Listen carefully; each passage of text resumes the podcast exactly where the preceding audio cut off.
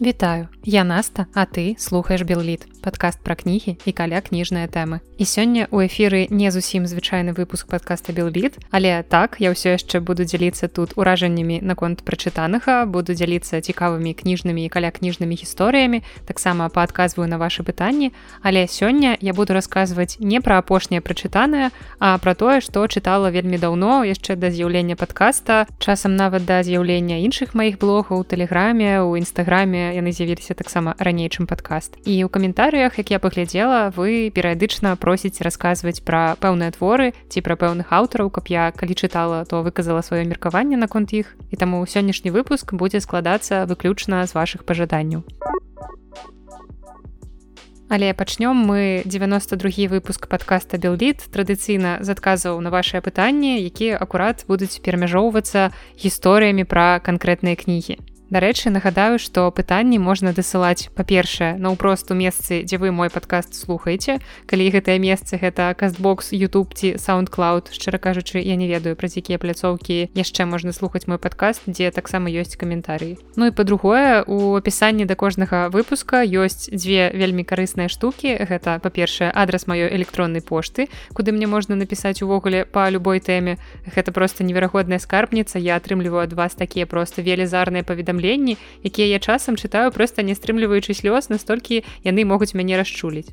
Ну і па-другое таксама у апісанні да кожнага выпуска ёсць спасылка на Google формы і там вы можете пакідаць любыя ананімныя пытанні. Я збіраю пытанні увогуле на любыя кніжныя каля кніжныя тэмы і таксама нагадваю что зараз 92 выпуск а соты юбілейны выпуск подкаста я хочу прысвяціць адказам на ваше пытанні як я ўжо рабіла ў 50 выпуску.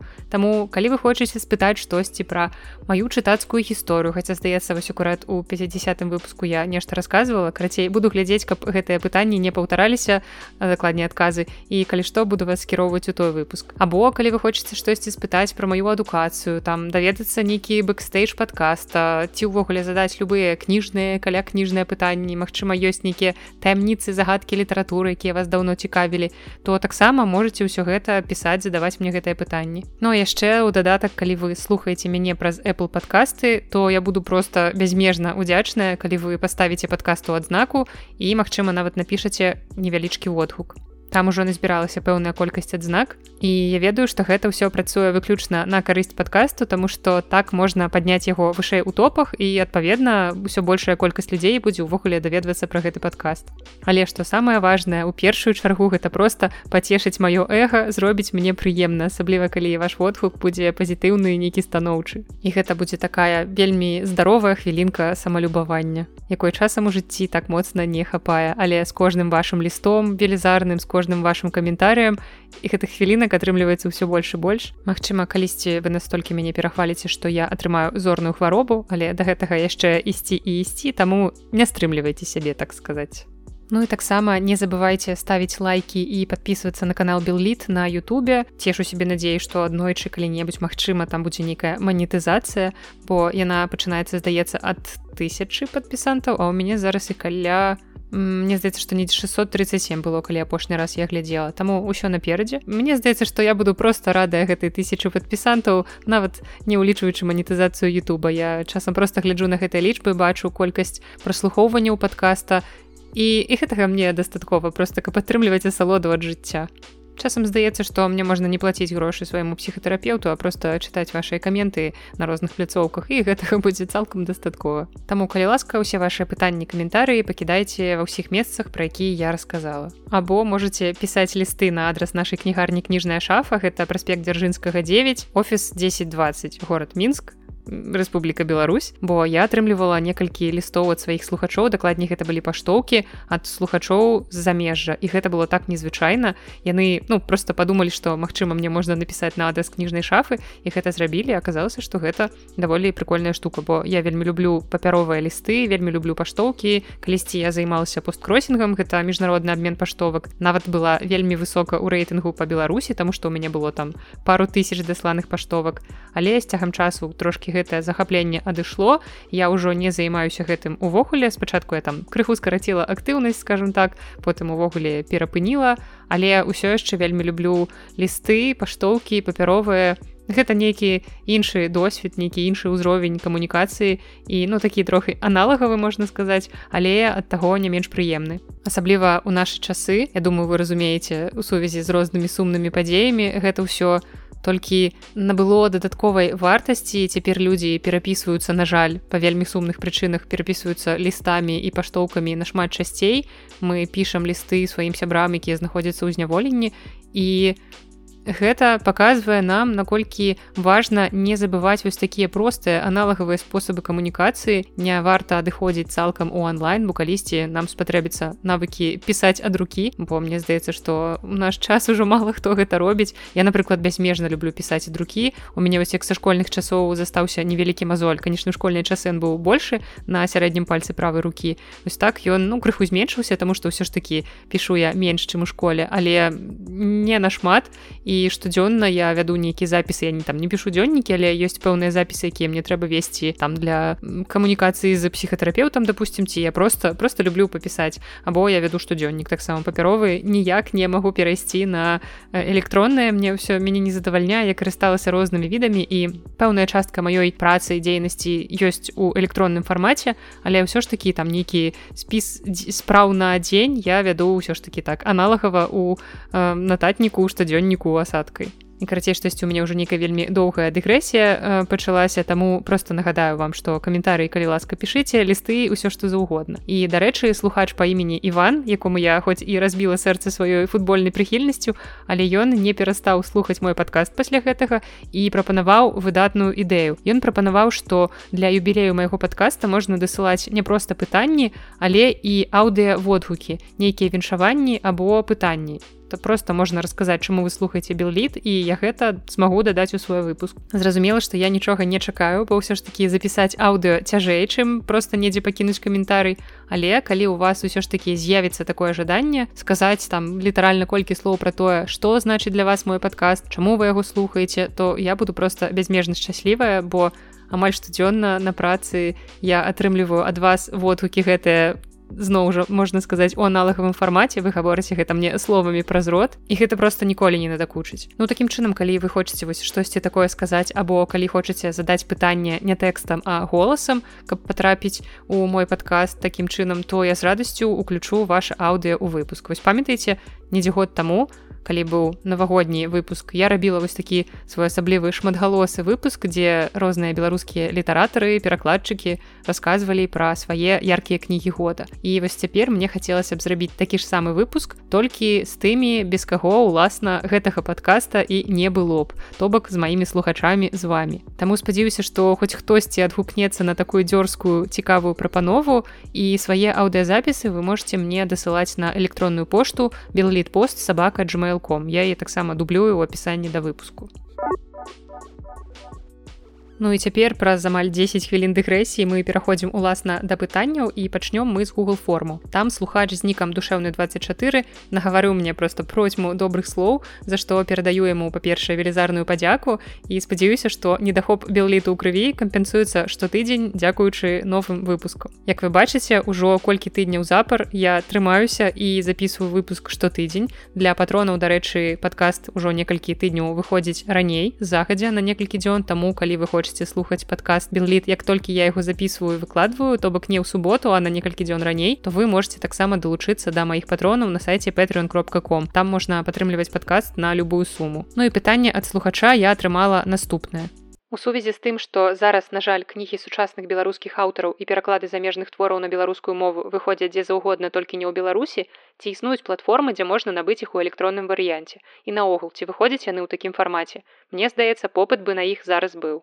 Ведаеце, тут у мяне такая думка пра тое, што хоць і даволі шмат кніжак выходзіць беларускіх цяпер за мяжой, але мне здаецца, што беларускія чытачы таксама плаўна перамяшчаюцца за мяжу і хутка гэта будзе ўсё вельмі арганічна. Людзі за мяжой будуць чытаць кніжкі, якія выходзяць за мяжой а ў беларусі чытачоў зусім не застанецца вось такая сумная трагічная гісторыя ад мяне пра будучыню беларускай літаратуры але насамрэч усё не так трагічна хоць трохі кнігі выходзяць у беларусі збольшага канешне ўжо за межамі але зразумела не ў такіх аб'ёмах у беларусі яны выходзяць як нам хацелася б ці нават як пару гадоў таму. А вось з электроннымі кнігамі мне падаецца што ўсё даволі складана ўсё яшчэ горш бо калісьці у нас была хаця б кнігарня бай дзе быў хоць такі невялікі але хаця б нейкі выбор кніг прычым кніг даволі сучасных актуальных якія каштавалі там літаральна як кубачак кавы. З таго што мы маем цяпер гэта напрыклад сайт кнігі ком Ён увогуле бясплатны, але збольшага на гэтым сайце размешчаная нейкая класічная літаратура. Там ёсць перакладная і ўласна беларуская, але гэта ў любым выпадку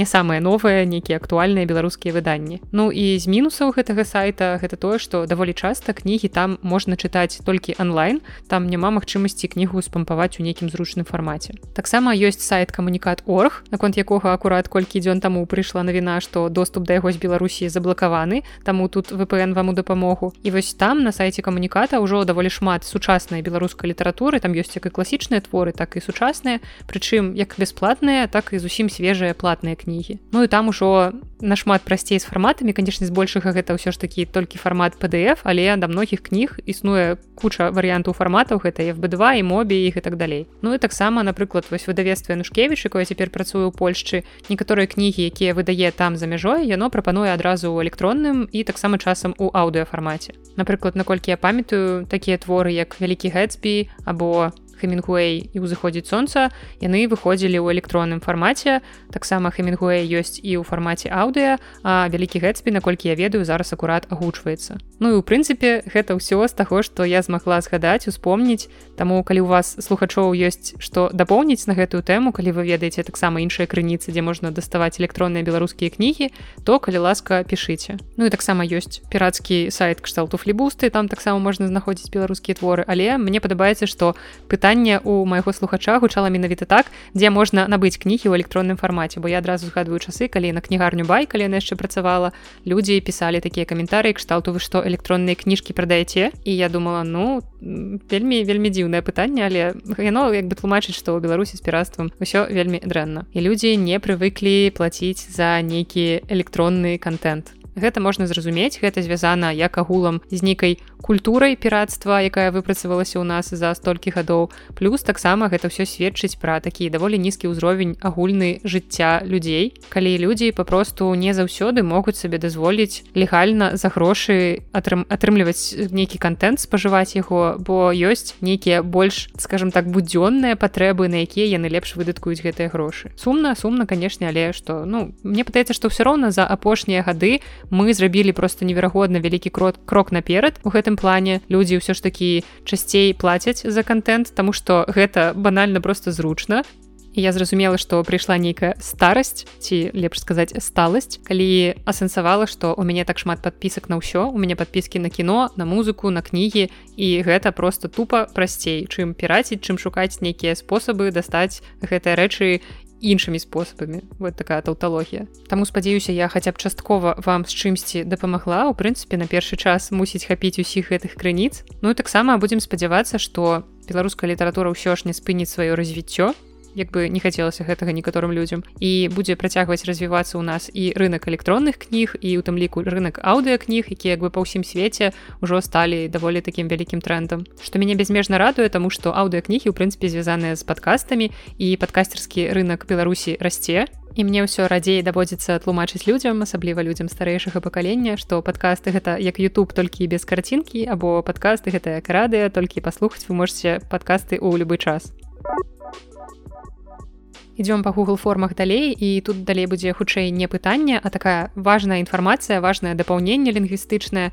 І паколькі апошнім часам у падкасці часта ўсплывае тэма ізраільскай літаратуры я думаю што вам таксама будзе карысна гэтую інфармацыю паслухаць. Слухач па імені зміцер піша па-першае вялікі дзякуй вам за вашу працу. Абодва падкаста якія вы робіце цудоўныя. Дазволі сабе выказаць адну рэмарку за ўвагу наконт націску ў еўрыце першае пасяджэнне анягош. У еўрыце націск амаль заўсёды падае на апошні склад. За выключэннем некаторых выпадкаў калі агаласоўкі галосныя гукі стаяць у адмысловым выпадку. Таму гучыць так афула але я У выпадку прозвішча ўдзельнічае тое ж самае правіла, але ўжо даволі доўга ў размоўным іўрыце існуе пераход націску на перад апошні склад. Таму і шалеў і шалеў будзе правільна. Прозвішча керет вось той выпадак, калі агаласоўкі перасоўваюць націск на перадапошні склад. Дзякуй вам яшчэ раз. Па-першае, дзякуй змітру за такі змястоўны адказ. Цяпер у мяне ёсць ужо два эксперты, да якіх я магу звяртацца ў пытаннях іўрыту. І сапраўды гэта вельмі карысная інфармацыя, бо заўсёды, калі ты сутыкаешся з нейкай замежнай літаратурай, мовай якой ты зусім не валодаеш, што ўзнікаюць пытанні наконт вымаўлення імёнаў.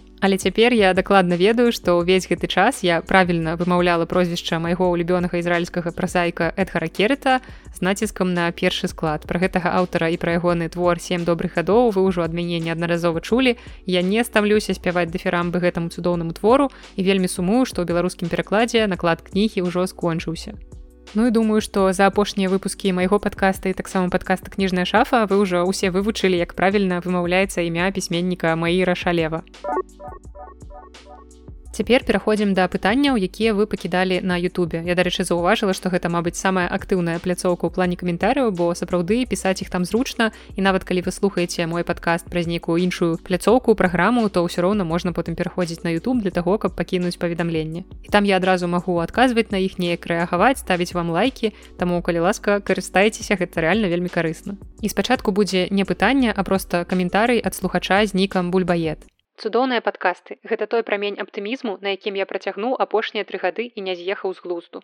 І ведаеце вось ад падобных вашых слоў мне заўсёды становіцца цёпла і з'яўляецца яшчэ больш нейкай матывацыі на новыя выпускі. Бо для мяне насамрэч падкасты запіс падкастаў і таксама слуханне падкасту бо я ж слухаю іншыя падкасты.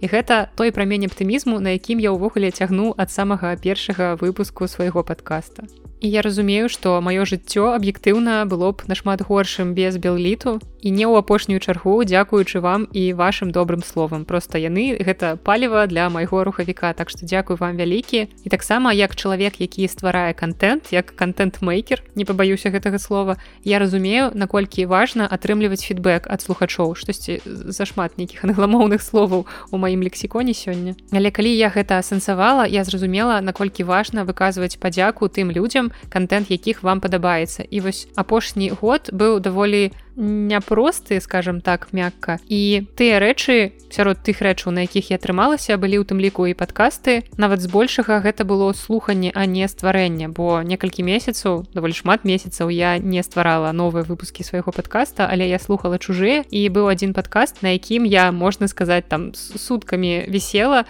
Я слухала яго ў навушніках калі ішла дадому з працы на працу калі рабіла нейкія справы. І гэты падкаст тады мяне вельмі моцна падтрымаў. Гэта літаратурны падкаст падкаст зараз я не буду агучваць што гэта за падкаст але карацей нядаўна я вырашыла напісаць пра тое як мне дапамог стаў свой асаблівай тэрапіі гэты падкаст вырашыла напісаць уласна яго вядучым. Бо я зразумела наколькі гэта важна калі я атрымліваю ваши паведамленні яшчэ там з мінулага лютага. Людзі пішуць і дзякуюць што я не спыніла гэта рабіць што ў цяжкія часы падкаст дапамагае неяк трымацца што яны бачаць нейкі там агенчык аптымізму прамень вось як напісана ў каментары ад бульбаеда прамень аптымізму. І я разумею што я тое ж самае адчуваю у той момант калі ствараю гэты падкаст і калі слухаю іншыя чужыя падкасты. І мне падаецца што вельмі важна гэта выказваць таму што такія няпростыя часы яны нам даюцца магчыма для таго каб выпрабаваць наши навыкі сацыяльнай камунікацыі ўздзеяння з людзьмі бо гэта менавіта тое што можа падтрымаць нас вось у такі няпросты час. Ўсё ж таки мы жывёлы сацыяльныя нікуды тут не выкруціцца канешне ж можна як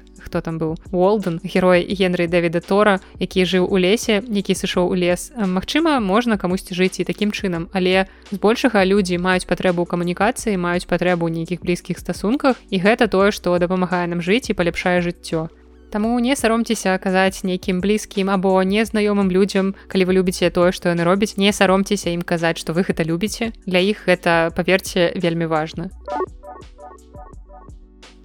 Далей будзе вельмі шмат пытанняў ад карыстальніка з нікам А. Велізарны вам дзякую просто за гэтыя неверагодна доўгія палотны паведамленняў. На штосьці часткова мы будзем адказваць на чарговым пасяджэнні кніжнага клуба анягош а на астатнія пытанні і каментарыі я адкажу зараз. І пачнём мы з актуальных навін У якімсьці з апошніх выпускаў тут пісаў што пра кундару файна было б штосьці расказаць. Ну а калі цяпер ён памёр дык як можна яго праігнараваць і сапраўды чэска-французскі пісьменнік мілан кундара памёр 11 ліпеня і сумна што ў нас штомесяц нейкія навіны пра смерці гучных імёнаў са свету літаратуры. Але калі згадваю што кормак макарці памёр у 89 гадоў мілан кундара памёр у 94 гады то як бы ўжо становіцца і не так сумна. Калі разумееш што гэтыя рабяты рэальна пражылі доўгае вельмі годнае вартае жыццё яно было багатае на падзеі яны атрымалі абсалютна заслужаную прыжыццёвую славу. І ну тут ні ў кога я думаю не павернецца что там можа павярнуцца рот язык сказаць что гэтыя людзі ну неяк памерлі незаслужана забытымі ці штосьці такое. Не гэта аўтары якія памерлі ў росквіце у росквіце сваёй творчасці ці можна так сказаць что яны памерлі ў росквіце карацей вы мяне зразумелі я просто записываю гэты подкаста 10 вечара калі правяла паўтары гадзіны дагэтуль на ёзе і я магу загаворвацца у мяне можа заплятацца язык і гэта абсалютна нормально ну дык вось хоць я не магу назваць сябе прыхільніцай мілана кундары хутчэй я раўнадушная да яго творчасці я разумею ўсё ж такі што ён зрабіў значны ўнёсак у сусветную літаратуру. Таму у чарговым выпуску літ навінаў які выйдзе ўжо праз тыдзень я абавязкова згадаю гэтага аўтара раскажу пра тыя творы якія я ў яго чытала. Здаецца гэта ажно тры кнігі. Таму чакайце ўсё ж такі крыху пра творчасць кундары я абавязкова вам раскажу Ну і далей гэты ж слухач з нікам А закрануў пэўную алкагольную тэму ў літаратуры.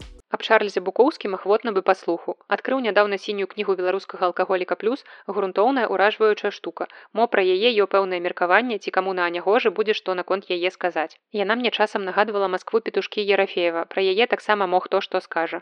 Ну пакуль што на анягожы такіх планаў не было, мы ўсё ж такі стараемся зараз разглядаць сучасныя творы літаральна там зусім свежыя ці апошніх гадоў. І нагадаю што калі вы хочаце падрыхтавацца да наступнага пасяджэння нашага кніжнага клуба анягош якое хутчэй за ўсё адбудзецца недзе бліжэй да канца жніўня то вы можете ўжо цяпер прачытаць раман артура клінова які называется локісу нядаўна гэты твор у начытцы Віктора сямашкі з'явіўся у аўдыафармаце вы можете знайсці спасылку на яго у апісанні да выпуску. Ну а таксама дагэтуль у нас у продажы ў кнігарні кніжная шафа ёсць папяровы асобнік гэтай кнігі. Чаму асобнік? Асобнікі не адзін. Таму калі ласка завітвайце або афармляйце заказ у нас можна заказаць гэтую кнігу з дастаўкай па беларусі і свеце. Таксама спасылка будзе ў апісанні да выпуску. Таму чытайце рыхтуйцеся гэта мы будзем абмяркоўваць ужо зусім хутка. Ну і вось з гэтай часткі падкаста адказваючы далей на каментарыі слухача пачынаецца тая частка у якой я дзялюся меркаваннем адносна прачытаных кніг прычым прачытаных ужо даўно і пачнём мы з кнігі Антона кулона якую згадвае мой слухач. Кніга называется сіняя кніга беларускага алкаголіка плюс і раней яна выходзіла без прыстаўкі плюс але выданне якое я чытала яно больш новае і дапоўненае. Я чытала гэтую кнігу адразу калі яна выйшла і таксама як і мой слухач я засталася под вялікім уражаннем. Яе аўтар Анатоль астапенко под псеўданімам Антон кулон напісаў кнігу пра свой няпросты шлях змагання з алкагольнай залежнасцю. Першапачаткова кніга выходзіла 11 гадоў таму у выдавестве лохвінаў а ўжо гэтае выданне выданне адрэдагаванае дапоўненае яно выйшла ў выдавестве галіяфы ў 2018 годзе. І тады ж я яе чытала і тады ж хадзіла на прэзентацыю дзе сам аўтар расказваў пра гэтую кнігу. І ўвогуле цікава што паводле адукацыі аўтар ніякі не літаратар нават не філолог ён фізік тэарэтык але калі вы будете чытаць гэтую кнігу я думаю што вы заўважыце што ў яго ёсць відавочны талент да пісьменніцтва і дарэчы твор выдадзены ў аўтарскай рэдакцыі кніга сапраўды напісаная вельмі добрай мовай і яна выглядае шчыра кажучы нашмат лепш чым твор творы некаторых прафесійных літаратараў. Агулам кніга дзеліцца на тры часткі і першая частка, у якой нас чакаюць алкагольныя гісторыі пра аўтара і яго сяброў па келіху і не думайце што вы будете гэтую частку чытаць як нейкі зборнік анекдотаў жыцця п'яных. Бо некаторыя гісторыі заканчваюцца сапраўды жыццёвымі драмамі і нават смерцю удзельнікаў гэтай гісторый тут зусім няшмат нейкіх жартоўных здарэнняў а вось трагічных здарэнняў тут сапраўды хапае. І сярод герояў гэтых гісторый фігуруюць рэальныя вядомыя асобы літаратары музыкі бо у аўтара даволі шырокае кола знаёмстваў у свеце культуры. Другая частка кнігі яшчэ больш драматычная таму што ў ёй праз алкагалізм аўтара адбывае адбываюцца вельмі страшныя рэчы якія аднак все ж такі на шчасце становіцца каталізатарам на шляху да цвярозага жыцця. І вось адсюль пачынаецца вельмі доўгі шлях аўтара па скасоўванні так званага грамадзянства краіны алкаголій. Ну і у трэцяй часткі ўжо ўласна апісваецца гэты шлях праз скадзіраванне да царквы і сустрэч ананімных алкаголікаў. І вось тут магу папярэдзіць што гэтая частка кнігі можа напружана чытацца атэістамі таму што ў ёй сцвярджаецца важнасць веру ў Бога на шляху да цвярозасці. Тут ёсць вельмі суб'ектыўныя аўтарскія разважанні пра шлях веры. І я разумею што такі шлях сапраўды будзе прымальны далёка не для ўсіх алкаголікаў. Але гэта ўсё ж такі яго гісторыя гісторыя аўтара гэта не практычны дапаможнік па выхадзе з запою. І вельмі важна ўвогуле што спадар Анатоль знайшоў у сабе смеласць каб падзяліцца сваёй гісторыяй з чытачамі і магчыма нават гэтай кнігай камусьці дапамагчы. І ўвогуле даволі часта ад людзей з пэўнымі залежнасцямі мы чуем гэтую знакамітую фразу я магу кінуць калі захачу напрыклад марку твену прыпісваюць аўтарства знакамітай наступнай фразы кінуць курыць лёгка я ўжо тысячу разоў кідаў і гэта было б вельмі смешна калі б не было так сумна. Бо ў гэтым хаваецца ўся сутнасць любой залежнасці. І аўтар нам даводзіць у кнізе што алкагалізм гэта невылечная хвароба. І немагчыма прыйсці да лекара з ёю і сказаць вылічыць калі ласка мяне ад алкагалізму лекар дакладна не прапіша вам курс цудадзейных лекаў і дакладна так жа аўтар у сваёй кнізе не вынаходзіць панацею ад гэтай хваробы. Ягоны шлях да цвярозага жыцця вельмі цярністы поўны зрываў запояў і вось праз 15 ўжо нават больш з моманту выхаду кнігі ўжо 20 Мабыць гадоў цвярозага жыцця аўтар усё роўна працягвае называць сябе алкаголікам. Вось прынамсі ў 2018 годзе калі я была на прэзентацыі гэтай кнігі аўтар шчыра ў гэтым прызнаваўся што хоць ён уже столькі гадоў не п'е але ўсё роўна не перастае лічыць сябе алкаголікам. І разумее што калі раптам такое здарыцца што ён там сёння-заўтра вып'е ён зноў сарвецца. І гэта таксама вельмі важна што ён прамаўляе ўсе гэтыя рэчы ў голас і не баіцца нейкага магчыма асуджэння з боку людзей Я думаю што для вас не сакрэт што яшчэ там колькі гадоў таму Беларусь узначальвала рэйтынг краін самай высокай колькасці ўжывання алкаголю насельніцтвам потым яна апусцілася на другое месца як я памятаю саступіўшы літве. Але ў любым выпадку гэтыя факты вельмі пужаюць дзесьці я бачыла такія звесткі што 15 літраў чыстага этылавага спірту ў год на кожнага чалавека ва ўзросце ад 15 гадоў вось такая у нас норма. І тут мне хочацца вельмі недарэчна пажартаваць што раз я не п'ю то нехта выпівае мае 15 літраў і становіцца алкаголікам. Але сапраўды мне даволі цяжка на гэтую тэму разважаць паколькі я ўвогуле не ўжываю алкаголь. Але кніга важная кніга страшная яна можа дапамагчы алкаголікам паглядзець на сваё жыццё збоку задумацца над нейкімі зменамі а людзям якія ўвогуле увогуле не п'юць яна можа даць цярпення і разуменне ў дачыненні да алкаголікаў бо ніхто не ведае з чым яму ўвогуле давядзецца сутыкнуцца ў жыцці. І я мяркую што вы мае слухачы трошкі абазнаныя ў беларускай літаратуры асабліва другой палове мінулага стагоддзя і разумееце ведаеце што алкагалізм адыграў ёй вельмі вялікую вельмі трагічную ролю. Праз алкагалізм мы гублялі велізарныя таленты таму для беларусі якая і цяпер з алкагалізмам перажывае не найлепшыя часы падобныя кнігі вельмі актуальныя. Ну і таксама слухача крамя гэтай кнігі згадвае яшчэ і творчасць Чарльза Букоўскі, у якога ў творах, як і ў жыцці было таксама даволі шмат алкагольнай тэмы, але нягледзячы на гэта я бязмежна люблю яго творчасць. Я чытала амаль усе кнігі і пра некаторыя зараз вам раскажу. І пачнём з маёй улюбёнай кнігі Букоўскі і гэта не адна з яго найвядомейшых кніг накшталт пачтамта, чытваць і Глівуда. Мая улюбёная кніга Букоўскі гэта не вельмі вядомы зборнік лістоў, які так і называецца пісьма о пісьме. Я чытала яе ў рускім перакладе перекладе. Я думал, мир искусства и все такое окажется почище. Говно это. В мире искусства больше злых и нечистоплотных осьминогов, чем отыщется в каком-нибудь деловом предприятии. І ў гэтай кнізе букоўскі ва ўласцівай яму цынічнай вельмі нахабнай манеры тлумачыць за літаратуру. Тут пад адной вокладкай сабраныя яго лісты розным людзям з 1945 по 1993 год. І пэўны час таму я памятаю, што было модна чытаць кнігі пра пісьменніцтва, пра пісьменніцкае рамяство, напрыклад, у Стывена Кінга цудоўная кніга ёсць как пісаць кнігі, або таксама ў Рэя Брэдберы я чытала дзен в искусстве напісання кніг.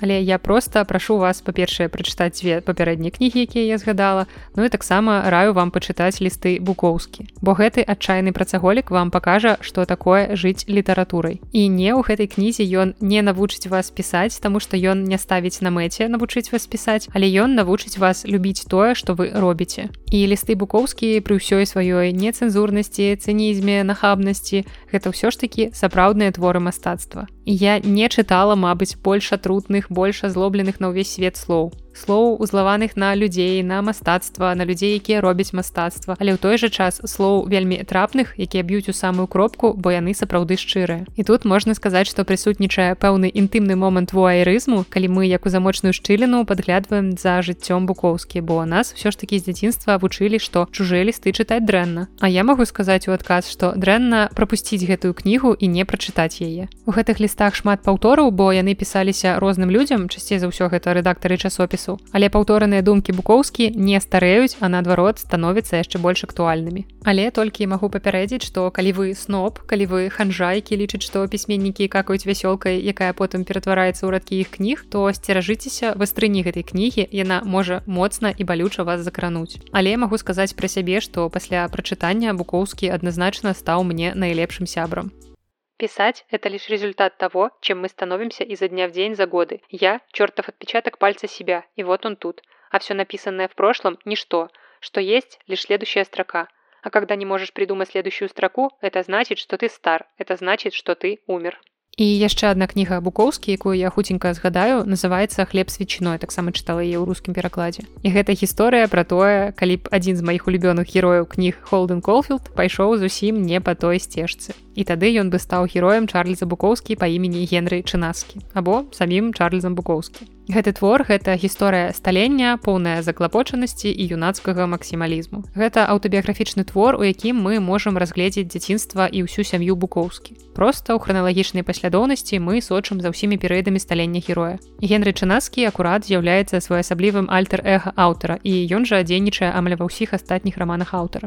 І ў гэтым жа творы адным з яркіх персанажаў з'яўляецца таксама бацька галоўнага героя. Гэта грубы мужлан які адпускае каларытныя жартачкі але пры гэтым ён вельмі жорсткі тыран які гатовы за найменшую правіну збіваць уласнага сына ну а маці генры такая троху мямля бесхрыбетная жанчына якая нават не можа заступіцца за сына. Ну і ў гэтым творы генры чынаскі ўвогуле атачае велізарная колькасць дзіўных персанажаў. Мне падаецца што я і паловы такіх людзей не сустракала ў сваім жыцці. Аўтар у кнізе аджартоўваецца ўвесь час ён усё пераводзіць у нейкі прыкол але насамрэч гэтая кніга зусім не гумарыстычная а вельмі цяжкая бо калі гэтую кнігу чытаеш вельмі няпроста асэнсоўваць што гэта ўсё не прыдумка аўтара. Букоўскі насамрэч гэта ўсё перажыў і прыніжэнне ад бацькі і сур'ёзнае захворванне скуры.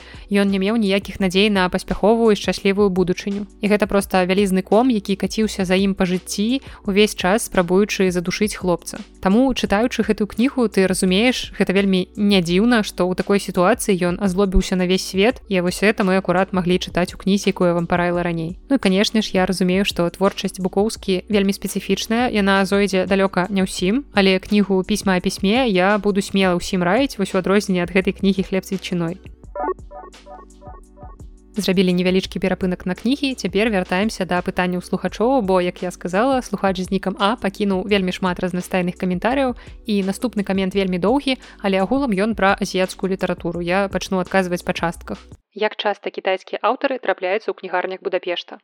Вось тут мне вельмі складана адказаць на пытанне, бо я спецыяльна на іх не звяртала ўвагі. Да таго ж у кнігарнях Будапешта мяне пераважна цікавілі англамоўныя кнігі, не мясцовыя венгерскія і я заўважала штосьці ў перакладах на ангельскую, але часцей гэта былі не кітайскія, а японскія аўтары. Напрыклад, тая ж саяка мурата, якой я ўжо згадвала ў адным з папярэдніх выпускаў, або мека кавакамі вось яе я нічога не чытала. Сапраўды іх твораў гэтых аўтарак было вельмі шмат на паліцах, таму яны адразу мне кінулі кінуліся ў вочы. Але больш я нічога так асабліва не заўважала. Але ў хуткім часе я зноў траплю ў будапешт таму тады я магу звярнуць увагу на азіяцкі сегмент у мясцовых кнігарнях і тады змагу расказаць вам пра гэта больш падрабязна. Я тады спецыяльна пагуляю па аддзелах з перакладамі замежнай літаратуры на венгерскую.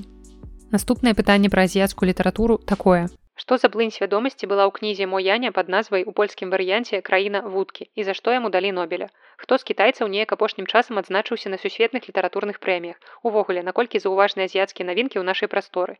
У апошніх падкастах з азіяцкіх аўтараў узгадваю толькі японскую пісьменніцу з яе творам пра то як жанчына сярэдняга ўзросту застрала ў мясцовым маркеце. І ўсім задаволеная пры поўнай адсутнасці людскіх кантактаў і праводзячы ўсе выхадныя за бухлом не выходзячы з дому. Мо ў нейкіх з наступных выпускаў будзе не лішнім закрануць і гэтую частку свету. Ну тут увогуле перад тым як пачаць адказваць на гэты азіяцкі сегмент пытанняў мне варта было б зрабіць такі дысклеймер што я асабліва асабліва не люблю і не чытаю азіяцкіх аўтараў просто гэта абсалютна не маё мне рэдка штосьці з іх сапраўды падабаецца. Мне вельмі далёка і не заўсёды зразумела іх культура таму ні кіно ні кнігі азіяцкія я звычайна не абіраю. Ну ёсць там нейкія рэдкія выпадкі вось банальна магу чытаць муракамі таму што муракамі вельмі еўрапеізаваны таму абсалютна не паказальны ў гэтым плане як азіяцкі аўтар. Ну і зараз азіяцкая ў прыватнасці кітайская фантастыка яна захоплівае свет але зноў жа акрамя люцы сіня про якога я таксама згадвала ў адным з апошніх выпускаў літнавін я пакуль што нічога не чытала. Але прынамсі да азіяцкай фантастыкі у мяне ёсць цікавасць. Ну а за астатніх азіятаў я бяруся даволі рэдка таму і з муяня я не чытала абсалютна нічога так што не магу даць кампетэнтны адказ на пытанне пра гэты твор. Праўда муяню мяне ўсё ж такі хаця б ёсць у вельмі далёкіх планах. Але гэта ўсё праз атрыманую ім нобелеўскую бо за гэтай прэміяй я трошки сачу. На днях дарэчы я взяла у бібліятэцы роман аднаго з апошніх нобелеўскіх лаўрэатаў чыё імя нарэшце вывучыла гэта абдул разак гурна які прайшоў абсалютна незаўважаным пасля атрымання нобелеўскай. І вось толькі цяпер яго роман па смерці пераклалі на рускую мову таму гэты роман я і паспрабую пачытаць. Ну і калі адказваць на пытанне далей то мне таксама цяжка сказаць хто з кітайцаў часам адзначаўся на літаратурных прэміях бо спецыяльна на іх я не звяртала ўвагі зноў жа я ведаю толькі пра фантастыку і ў адным з падкастаў я рассказывала агулам пра феномен кітайскай фантастычнай літаратуры як яна развіваецца з чаго раптам яна ўзнікла і гэта сапраўды цікавая з'ява. Таму я ведаю што напрыклад люцы сінь ён стаў адзіным у азіі аўтарам які атрымаў прэстыжную фантастычную прэмію х'юга. Ну і як бы ўсё на гэтым мае веды пра кітайскі след у літаратурных прэміях заканчваюцца. Таму як бы я не магу спецыяльна прымушаць сябе чытаць тое што мне не вельмі цікава і з вялікай верагоднасцю мне не спадабаецца бо як бы прачытала там пэўную колькасць гэтых твораў каб гэта зразумець. Ну і мой падкаст гэта ўсё ж такі мой чытацкі дзённік гэта не літаратурная энцыклапедыя таму не варта ад яго чакаць нейкай усё абдымнасці бо тут толькі тое што мне сапраўды цікава. Спарадычна мне ўсё ж такі трапляюць у руки нейкія азіяцкія аўтары і калі хтосьці з іх мяне моцна зацікавіць то абавязкова буду дзяліцца з вами ў падкасці Наступнае пытанне ад А мяне трошки паставіла ў тупік, бо я не ведаю, што на яго адказаць, таму агучваю, калі раптам хто з маіх слухачоў абазнаны ў гэтым пытанні і зможа даць адказ. Можа пытанне дзікаватае, але мо атрымаецца даведацца, хто скрываецца пад псеўданімам Марта пінска з адзіным творам пад назвай беларуска. Ну не ведаю, як дапускаю існаванне закрытых філалагічных каналаў сувязі забранымі чальцамі патаемных сект, згуртаваных вакол таямніц і змоў белліту. Шчыра кажучы пра падобную аўтарку я чую першы раз, да таго ж я маю даволі невялікае кола камунікацыі і ўжо дакладна ні ў якія патаемныя літаратурныя секты не ўваходжу, акрамя вядома кніжнага клуба нягош. Таму адказаў на гэтае пытанне, на жаль, я не ведаю. Але калі ведаеце вы, то калі ласка напішыце давайте дапаможам чалавеку разаобрацца з гэтым пытаннем і яшчэ одно пытанне ад а датычыць ужо не кітайскай а чэшскай літаратуры і тут я магу ўсё ж таки сказаць пабольш на гэтую тэму А яшчэ хацелася б пачуць аб чэшскай літаратуры. Што думаеш аб кундары і яго невыноснай лёгкасці быцця? І што ў ёй чэшскай літаратуры? Увогуле ёсць вартага ці ўразіла штосьці адтуль?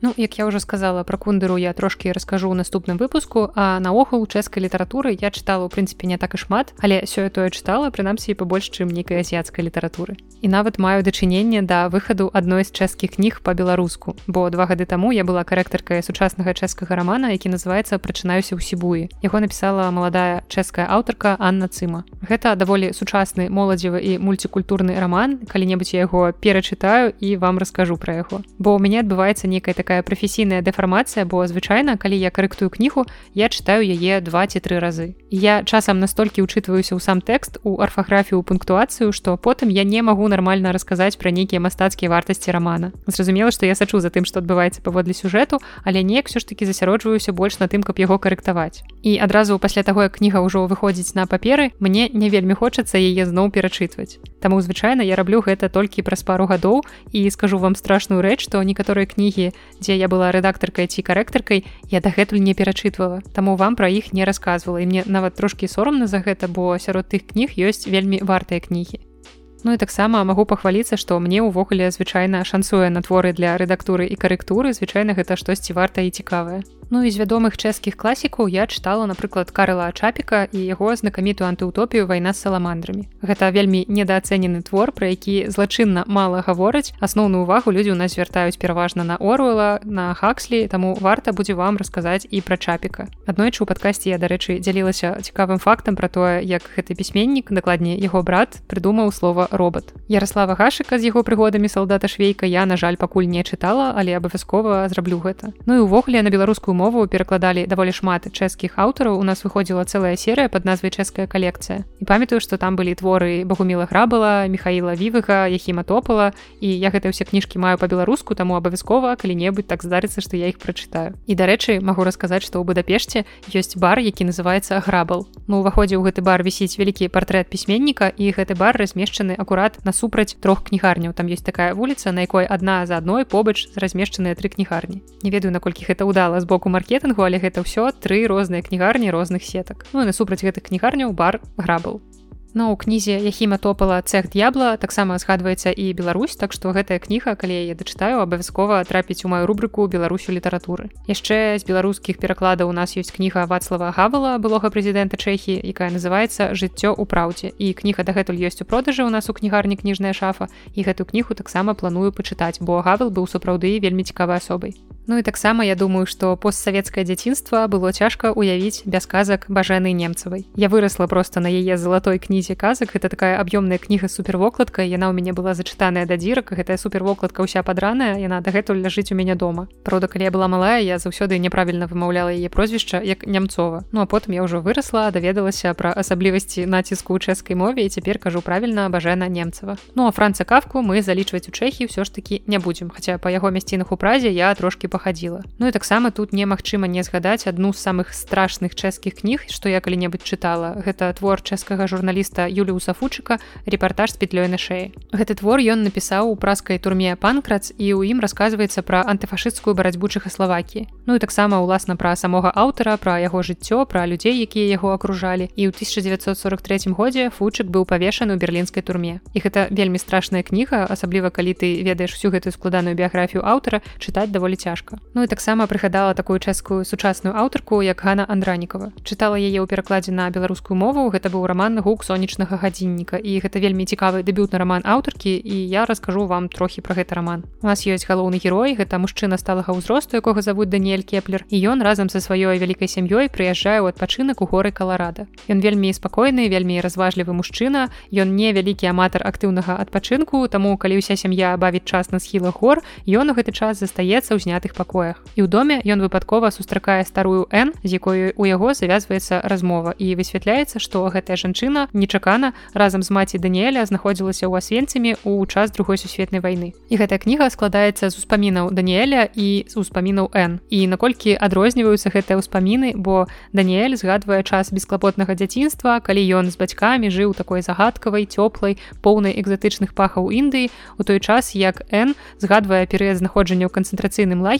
знаёмства з маці Даніэля. І ўспаміны гэтыя часта перамяжоўваюцца героі апавядальнікі пастаянна змяняюцца і часам нават складана адразу зразумець ад чыйго імя вядзецца гаворка. Аднак гэты своеасаблівы стыль пісьма аўтаркі і да гэтай манеры вельмі хутка прывыкаеш. Кніга поўная ярка прамаляваных натуралістычных сцэн напрыклад там шмат апісанняў блізкасці паміж мужчынам і жанчынай. Ну карацей як вы бачыце чэшская літаратура даволі разнастайная цікавая яе шмат па-беларуску таму ёсць на што звярнуць увагу. І дарэчы у школьныя гады я нават пачынала вучыць вучыць чэшскую мову у мяне быў такі адукацыйны дыск з рознымі заданнямі я дагэтуль памятаю нейкі там банальныя фразачкі кшталту там прывітання да выбачэння і гэтак далей. Я памятаю нейкія лічбы назвы колераў і аднойчы я была ў празе мне праўда яшчэ там не спатрэбілася чэшская мова дакладней у мяне не было такога ўзроўню чэшскай каб ёй карыстацца. Ну і ў прагу я просто закахалася гэта было ў 2017 годзе і я ведаю што ў гэты горад я 100соткаў абавязкова вярнуся. І дарэчы ведаю што ў мяне ёсць слухачкі з чэхіі гэта Настасія і Ганна перадаю вам прывітанне і калі вы таксама з чэхі то напішыце пра гэта ў каментарях наступны каментарый ад слухачкі з нікам апіянка. Я адразу выбачаюся калі раптам няправільна вымаўляю вашыя нікі. Гэта не заўсёды вельмі проста Думаю, я гляджу фільмы жахаў, каб палаецца, каб не скідаць негатыў на людзей вакол мяне. А так можаш крычаць, ну куды ты пайшоў, туды табе не трэба, ты што зусім штосьці такога, але вы таксама правы. Дарэчы, з такога пункту гледжання на фільмы жахаў я яшчэ не глядзела і гэта сапраўды цікавая думка, але мне падаецца, што так скідваць негатыў можна не толькі на фільмы жахаў. Я, напрыклад, вось такім чынам чытаю падлеткавую ці дзіцячую літаратуру, каб пабамбіць на паводзіны персанажаў. Вось з апошняга акурат так эмацыянальна я рэагавала на роман Марыі Мартысевіч гарэзлівы пацалунак, які яна напісала под псюданімам Ева вайтоўская бо вельмі зручна каментаваць і асуджаць паводзіны падлеткаў калі табе самой амаль пад 30 ад маефма я атрымала наступны каментарый. Дзякуй за цікавы выпуск. Парадавала згадка пра марыю пар таксама вельмі яе любім. Стараемся чытаць скандынаўскія дзіцячыя падлеткавыя кнігі па-польску і па-украінску. Калі дзецям яшчэ можна знайсці цікавыя разумныя кнігі па-беларуску то падлеткам зусім мала. На жаль у асноўным пераклады Ну я ніколі не стамлюся паўтараць, што сучасныя ды і многія класічныя скандынаўскія аўтары гэта узоры, які варты пераймання. Тое, як яны пішуць, якія тэмы яны ўздымаюць, гэта проста заслугоўвае павагі, таму заўсёды дзялюся з вами усім дзіцячым, што я чытаю. На жаль, апошнім часам дзіцячага чытаецца не так шмат, але зразумела, што хвалямі гэта бывае ва ўсіх. Вось у мяне так бывае, напрыклад, з праглядам кіно, калі я там тыдзень запар гляджу толькі фільмы, а потым я магу тыдзень не вылазіць серыялу. Ну вось так бываюць і тыдні захаплення дзіцячай падлеткавай літаратуры. Ну і далучаюся да гэтага суму, што падлеткам вельмі цяжка знайсці цікавыя разумныя кнігі па-беларуску. Сапраўды у нас неяк гэта аўдыторыя ад 12 там і старэйшая ну неяк не захопленая ў беларускіх творах. Ёсць пэўная колькасць твораў для гэтага ўзросту але іх даволі мала На такой трошки сумнай ноце я скончу з пытаннямі слухачоў, якія сёння былі спалучаныя з аглядамі кніг. Я спадзяюся, што такі эксперыментальны фармат вас не напужаў. Таксама можете пісаць мне, калі вас цікавіць маё меркаванне пра канкрэтныя кнігі, пра канкрэтных аўтараў, бо магчыма, што я чытала гэтыя кнігі, але яшчэ не расказвала пра іх у падкасці або нейкай кнігай вы мяне ўвогуле зацікавіце. Я захачу прачытаць гэтую кнігу і таксама пра яе раскажу. Ну а зараз я перайду да новай рубрыкі экспрэс-рэкамендацыі і нагадаю што ў гэтай рубрыцы я раю вам не кніжны контент гэта пераважна падкаставы контент ці кінематаграфічны.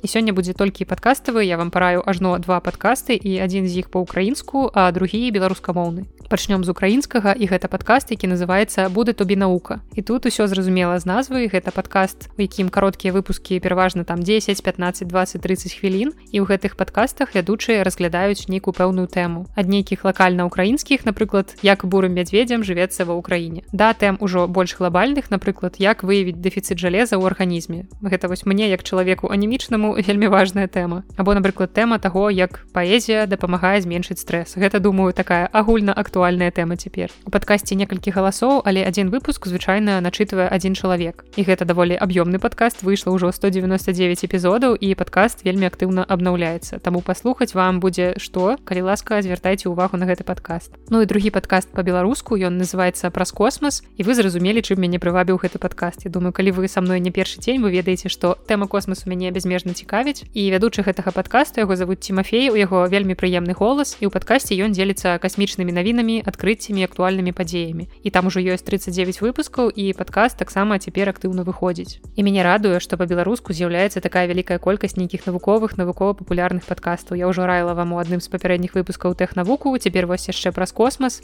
калі вы ведаеце яшчэ нейкія навуковыя тэхнічныя беларускамоўныя падкасты то калі ласка напішыце мне. Я заўсёды у пошуку такога контенту. Ну і раней я вам ужо не раз раіла падкаст маёй сяброўкі і савядучай падкаста кніжная шафа насты які называется лягчэй гісторый. Гэта падкаст з беларускамоўнымі медытацыямі і акурат нядаўна ў нас ты выйшла новая медытацыя пад назвай ачышчэння.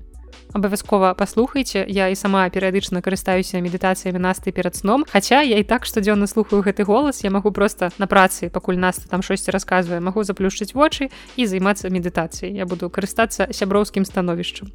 Таму калі ласка паслухайце крыху прыемных навінаў космасу потым паслухайце пра тое як паэзія здымае стрэс і ўсё заканчваеце вечарам перад сном падкастам насты у медытацыі ачышчэння. Ачышчайцеся і атрымлівайце асалоду ад вашага добрага прыемнага сну І так мы плаўна пераходзім да апошняй часткі сённяшняга выпуска, у якой я раскажу вам цікавую кніжную гісторыю. Даўно не было ў нас нейкіх вось такіх цікавых фактаў менавіта гісторый, бо раней здаецца амаль кожным выпуску я штосьці такое згадвала, потым крыху аблянілася, але цяпер працягваю вас радаваць нейкім цікавым кніжным контентам, звязаным не толькі наўпрост сюжэтамі кніг. І пра аўтарку, якая стала гераіняй гэтай сённяшняй гісторыі, я ўвогуле нічога не чула да моманту, калі сустрэла гэтую гісторыю пра яе. Пісьменніцу завуць фэй уэлден яна з великкабрытаніі і яна памерла ў студзені гэтага года ва ўзросце 91 года. Сёння у нас нейкі выпуск пра пісьменнікаў доўга жыхароў І вось менавіта пасля смерці гэтай аўтаркі я даведалася пра яе існаванне вось так сумненька. І ў гэтай аўтаркі выйшла даволі шмат кніг нават ёсць некалькі экранізацый і адна з яе кніг выклікала крыху такі скандал у літаратурным свеце Але пачну я гэтую гісторыю здалёк. Думаю, ні для кога не сакрэт, што мы даўно прывыклі да таго, што нас акружае рэклама. Агулам я нічога не маю супраць рэкламы, рэклама прысутнічае ў блогерскім кантэнце, напрыклад, на Ютубе. І тут я нічога не маю супраць, бо блогерам таксама хочацца есці. Улічваючы што агулам яны ж робяць свой контент у прынцыпе бясплатна. Рэклама ёсць у нстаграме у іншых сацыяльных сетках і ў падкастах таксама. Вось у мяне ніколі не было рэкламы дарэчы ні калісьці ў тэлеграм-канале не ў падкасці але я і не папулярны блогер. Хаця некалькі разоў я ў рэкламе людзям адмаўляла і раіла штосьці бясплатна бо і так любіла гэтыя рэчы карысталася імі. На ну, сэнсе гэта часцей за ўсё бывала рэклама нейкіх падкастаў ці нейкіх праектаў. Ну і таксама у кінематографе мы часта сустракаем прыклады продукт плейсмента гэта так званай схаванай рэкламы калі героі карыстаюцца пэўнымі брэндамі нават называюць іх. І ў гэтым таксама нічога асабліва страшнага калі гэта не сустракаецца на кожным кроку. Такім чынам мы я думаю усе ўспрымаем рэкламу як неабходную і важную частку спажывання амаль любога контенту але ўвесь час мне падавалася што літаратура дакладна па-за ўсім гэтым прынамсі так яўна мне ніколі гэта ў вочы не кідалася. Ці нейкія рэкламныя згадкі ў кнігах былі вельмі арганічныя не кідаліся ў вочы вось напрыклад каб стварыць чытачу патрэбную атмасферу той эпохі у якой адбываюцца падзеі рамана. Вось напрыклад з таго што мне зараз блізка гэта стывен кінг які ўвогуле майстар стварэння патрэбнай атмасферы. Паколькі я перакладаю зяння я заўважаю велізарную колькасць элементаў тагачаснай культуры ў гэтым творы. Напрыклад згадваючы посуд кінг называе пірксаўскую форму для запікання. І піркс гэта даволі знакаміты бренд посуду і цяпер мы можемм карыстацца ў беларусі таксама яго можна купіць. І тут ужо ніхто не абвінаваціць кінга ў продакт плейсменце карацей мне невядома ці плаціць яму за пастаяннай згадкі пэўных брендаў і кампаній але робіць ён гэта вельмі акуратна. Але ў 2001 годзе ў гісторыі літаратуры адбылася Мабыць самая вядомая рэкламная інтэграцыя ў гісторыі. Вось тая самая брытанская пісьменніца Фэ Уэлдон выпусціла роман які называется the булгари connection і адразу яна прызналася што гэты твор створаны ў выніку дамоўленасці з аднайменным італьянскім ювелірным домам і кампанія булгары заплаціла аўтарцы за прасоўванне свайго бренда і гэта сапраўды гістарычны момант бо гэта першы падобны выпадак у гісторыі выдавецкай справы. І калі кніга выйшла то зразумела трэба было неяк прыцягнуць да яе увагу і тады адбылася прэзентацыя кнігі і ў сМ пісалі што на аўтарцы падчас прэзентацыі былі заўважаныя ўпрыгожанні ад булгары коштам у полтора мільёны даляру але ніхто не расказаў колькі грошай булгары заплацілі фэй за такі продукт плейсмент але вядома што паводле дамовы яна мусіла 12 разоў згадаць бренд у рамане. Цікава колькі я ўжо разоў згадала гэты бренд на працягу свайго подкаста я канешне ні на што не намякаю але калі раптам мяне слухае хтосьці з прадстаўнікоў кампаніі булгары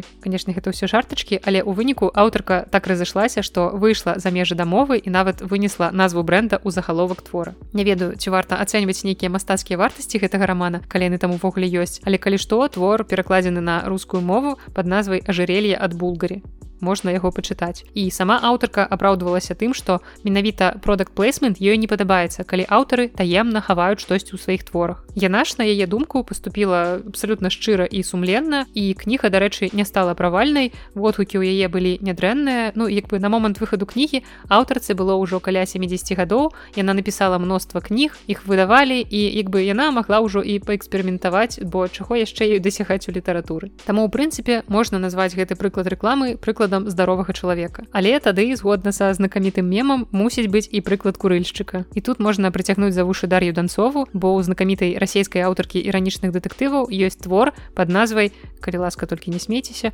прынцеса на кіріешках я адразу згадала як мы ў дзяцінстве любілі гэтыя сухарыкі. Я памятаю што мой улюбёны смак быў з халацом і хрэнам і цяпер я не ўяўляю як я магла гэта есці мяне нават не цягне да такой гадасці дарэчы цікава ці прадаюцца кіріешкі зараз увогуле ў крамах. Я памятаю што яшчэ былі кампашкі вось кампашкі і кіріешкі гэта два слупы на якіх трымаўся наш страўнік і наш гастрыт у дзяцінстве. Ну і вытворца сухарыкаў кіріешкі гэта кампанія сібірскі бераг паведамілі што такая рэклама ў кнізе данцовай абышлася ім у 50 тысяч даляраў ну не нядрэнная такая рэкламная інтэграцыя тут таксама назва прадукту аказалася вынесеная ў загаловак і фігуравала ў творы. Праўда кнігу данцовай я таксама не чытала нічога сказаць не магу. Ну насамрэч я не бачу нічога дрэннага ў падобных калабарацыях у літаратуры калі гэта не ўплывае негатыўна на смет самога твора калі твор не скажу ствараецца складаецца выключна для таго каб неяк ужыць назву бренда ці кампаніі. Ну а калі проста аўтары згадваюць у сваіх творах нейкія канкрэтныя там маркі адзення аўтамабіляў гадзіннікаў якімі карыстаюцца персонажы і калі ім за гэта заплаціць сама кампанія ну не бачу нічога дрэннага што добрыя аўтары атрымаюць яшчэ трошачкі грошыкаў Вось такі атрымаўся сённяшні крыху эксперыментальны выпуск подкаста нагадаю што ў наступным выпуску праз тыдзень вас чакаюць ліп навіны за апошні месяц. Даведаемся якія цікавыя падзеі адбыліся ў ліпені якія знакавыя падзеі нейкія юбілеі мы адзначалі ў гэты месяц. Ну а таксама ў адным з наступных выпускаў які хутчэй за ўсё выйдзе ў канцы жніўня адбудзецца чарговае пасяджэнне нашага кніжнага клуба анягош я вельмі радуюся калі атрымліваю добрыя водгукі на гэтую нашу ідэю. Разумею што ўсё не дарэмна таму калі вы таксама хочаце далучыцца віртуальна да абмеркавання спрачацца палемізаваць з намі. Слухаючы нас у навушніках то калі ласка рыхтуйцеся чытайце роман артура клінова локісу Ну і таксама ў наступных выпусках вас чакае трошкі паэзіі беларускай таксама трошкі нон-фікшану іншых цікавых твораў якія я чытала апошнім часам. Спадзяюся што падкасты пакуль што так і будуць працягваць выходзіць раз на тыдзень па суботах. Ну і таксама дзякую усім хто падтрымлівае гэты падкаст. Калі вы слухаеце яго на патрыоне калі вы мой патрон то вы таксама маеце магчымасць слухаць гэты падкаст на некалькі дзён раней. Ну і таксама ў апісанні да выпуску вы знойдзеце іншыя спосабы падтрымкі майго подкаста Ну і нагадваю вам пра тое што важна задаваць пытанні пісаць свае каментары. Розныя цікавыя важныя пытанні я збіраю да сотага юбілейнага выпуска подкаста Ну а на сёння гэта ўсё. З вами была наста і падкаст белліт да сустрэчы